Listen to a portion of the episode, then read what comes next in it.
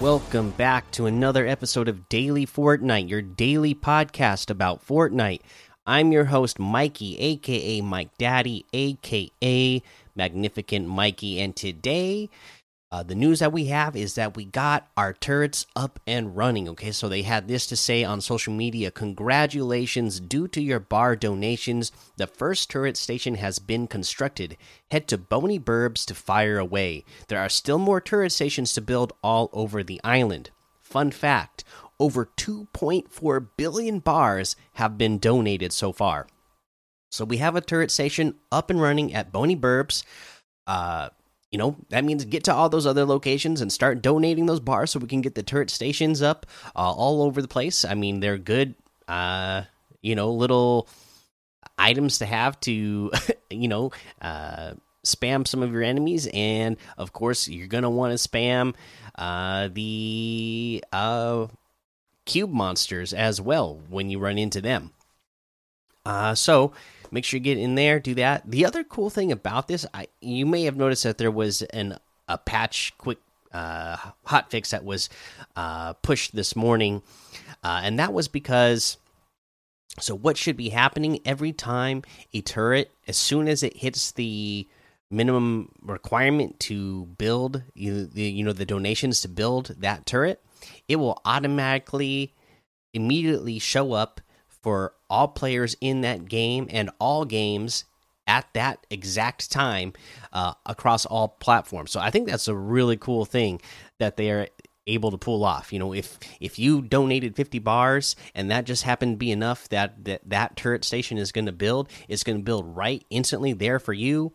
Uh, in that game, and anybody else who's playing a game and in the middle of a match, you know, no matter what mode that they're playing in, whether it's solos, duos, you know whatever they're playing it's going to show up for them in uh you know on on all on all platforms at the exact same time. So that's really cool uh, little thing that they got going on there. Uh, but that's what i have for news for you today. Uh, so you know what? Let's go ahead and take a look at uh, the ltms today okay? Uh, that we have featured today. Uh, combat section, we have Heroes versus Zombies, the Fishing Mansion LTM Infected, 5CP Raging Ravine, 12v12 Team Fights, Zoo Gun Game.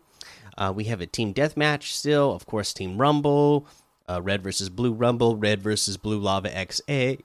Uh, Pro Red versus Blue Bounty. We have the zombie section still with Fiend Slayer, Primal Survival, Zombie Island, Lockdown Horde Survival, if you like Zone Wars, of course, you love Zone Wars Duo, Zone Wars 32 players, Zone Wars Water Park.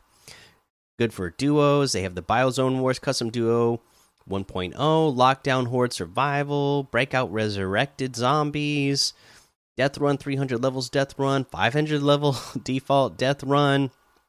And yeah, just check out that Discover tab because there's a lot of stuff to be checking out in uh, in Fortnite across all types of different modes.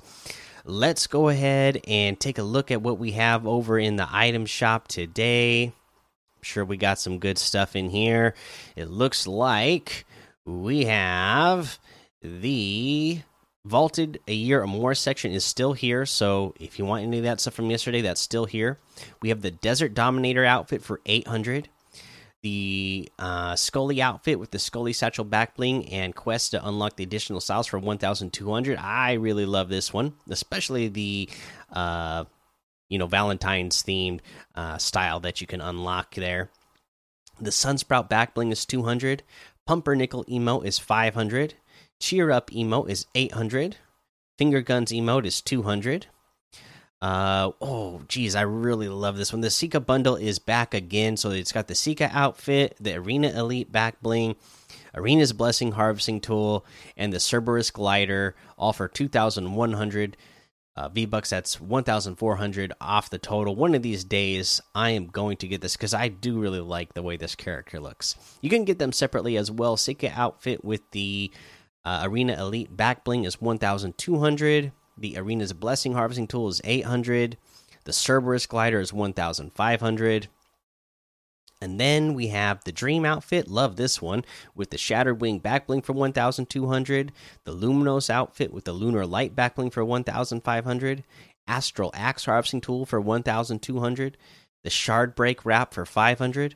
The Arcana glider for 1,200 the Cyclo outfit with the Wind Shear Cloak backbling for 2000. Always a cool one to look at. Peekaboo outfit with the Battle Balloon backbling for 1500. The Nite Nite outfit with the Balloon Llama backbling for 1500.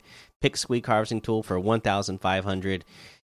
And that looks like everything today.